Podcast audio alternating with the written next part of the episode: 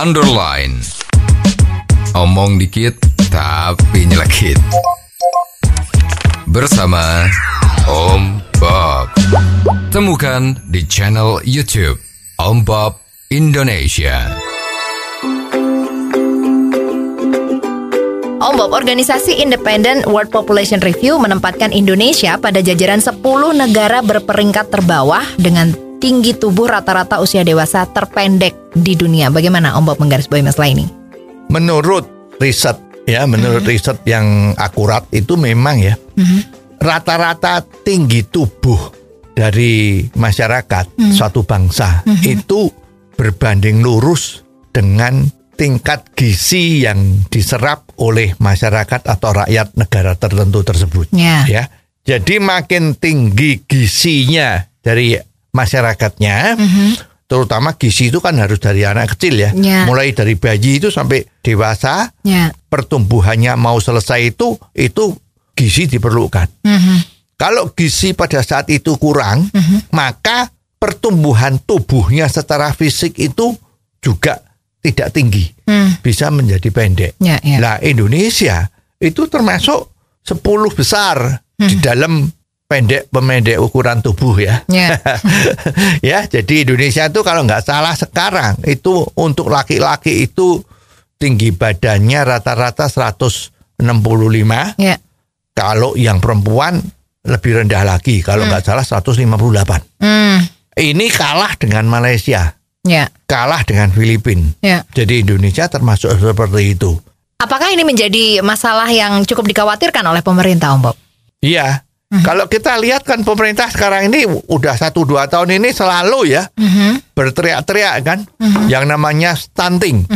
Selalu kan, ayo hati-hati, basemilah stunting, stunting. Stunting itu artinya kekurangan gizi dari masyarakat kita sehingga pertumbuhan tubuhnya itu menjadi maaf seperti manusia yang kurang tinggi. Istilah zaman kunonya yang agak nggak enak ini kan jadi cebol gitu ya.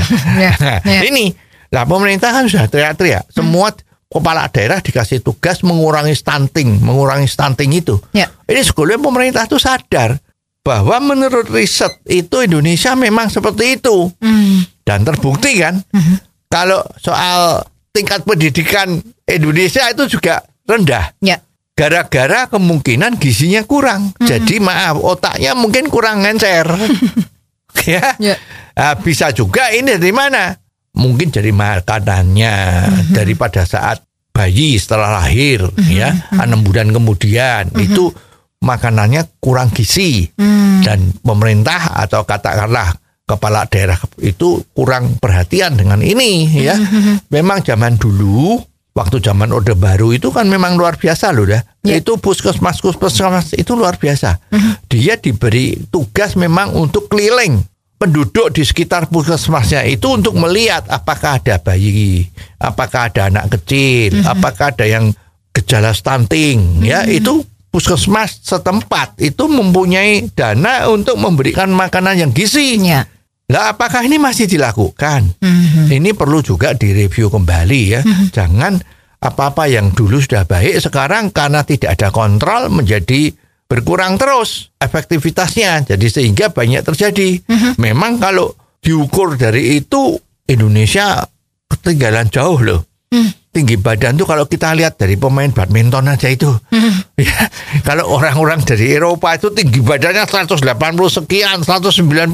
Ya. Kalau yang dari Indonesia ya maksimal 175. Masih ada yang pendek, apalagi kalau yang perempuan itu pendek lagi kan. Kelihatan kan? Jadi ini memang harus betul-betul pemerintah harus hati-hati. Ya. Demikian juga masyarakat. Masyarakat juga harus hati-hati. Jangan uang yang maaf sekarang memang pendapatan rata-rata ini kan memang tidak tinggi-tinggi ya. Ya. Tapi memang harus hati-hati. Jangan kalau memberikan makanan pada anak-anak kita itu jangan cuman yang dipikir enaknya, tapi harus dipikirkan gizinya gimana. Ya, ya. Nah umumnya makanan yang bergizi itu kan rasanya memang nggak enak. Jadi kalau anak-anak atau bayi kita itu diberi makanan yang mereka nggak mau, nggak suka, itu belum tentu harus diganti dengan rasanya yang enak. Tapi harus diusahakan bagaimana supaya dia mau. Ya.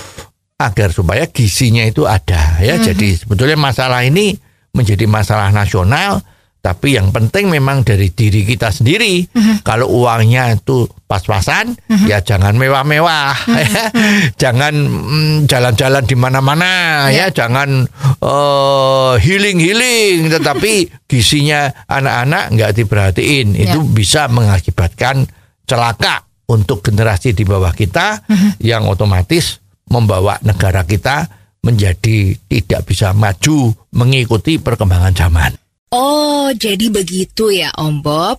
Jelas deh sekarang. Terima kasih Om Bob untuk waktunya. Sampai ketemu lagi di waktu yang akan datang. Underline. Omong dikit tapi nyelekit.